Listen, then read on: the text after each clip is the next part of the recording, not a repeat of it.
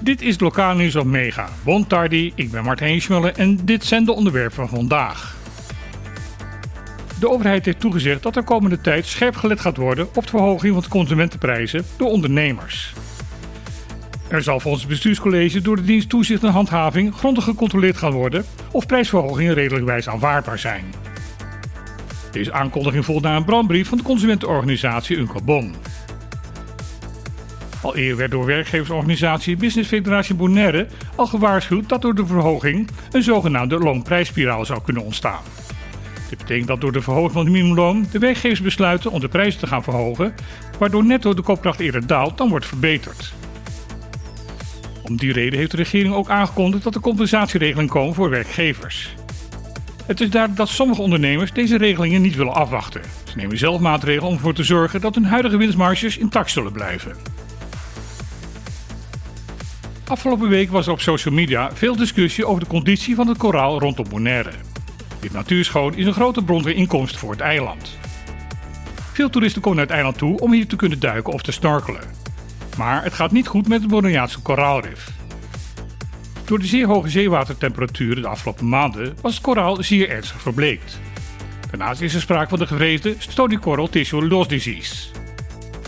De gevolgen van de verbleking lijken mee te vallen. Nu het zeewater weer wat koeler begint te worden, krijgt het meeste koraal weer de eigen kleur terug. Dat is niet zo met de spierwitte dode plekken die veroorzaakt worden door schittel D. De beroep op Facebook om daar iets aan te doen worden steeds sterker. Daarbij wordt er nadrukkelijk gekeken naar de natuurbeheersorganisatie Stinapa. Vandaag heeft deze organisatie daarop geantwoord. Volgens bekendmaking is vorige week begonnen met de besmette delen van het koraal te behandelen met antibiotica. Volgens huidig onderzoek is dat het meest effectief en ongevaarlijk voor de omgeving. Stinapa noemt de behandeling mogelijk licht aan het eind van de donkere tunnel. Sextortion. Afpersing met behulp van seksuele getinte foto's en video's maakt op Bonaire steeds vaker slachtoffers. De daders dreigen dan dat er gemanipuleerd beeldmateriaal openbaar gemaakt gaat worden, waaruit bijvoorbeeld zou moeten blijken dat je seks hebt gehad met een minderjarige.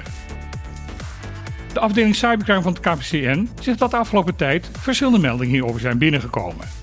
De dienst benadrukt dat voorkomen altijd beter is dan genezen. Deel daarom online zo min mogelijk privégegevens, ga niet in op verzoeken om beeldmateriaal en gebruik bij datingsites altijd een nickname. Ook raadt de politie aan om regelmatig via Google naar je eigen naam te zoeken. Bevalt het materiaal niet wat je vindt, neem dan contact op met de betreffende site zodat het weggehaald wordt. Ben je desondanks toch slachtoffer van sextortion, neem dan onmiddellijk contact op met de afdeling cybercrime. Veel studenten uit Caribisch Nederland die in Europees Nederland gaan studeren, blijven daar ook na hun studie. Uit onderzoek blijkt dat een belangrijke reden hiervoor is dat het loonniveau voor hoogopgeleide personen in Europa een stuk hoger ligt dan in de Cariben.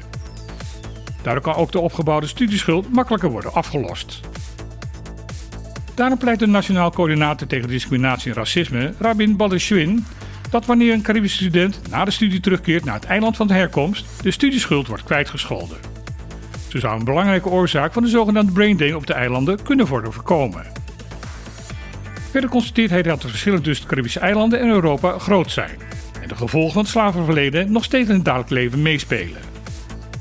Schwinn benadrukt dat deze problemen door de Nederlandse overheid serieus genomen moeten gaan worden. Dit was weer het lokale nieuws van vandaag. Ik wens iedereen een mooie en gelijkwaardige dag toe en dan heel graag weer. Tot morgen.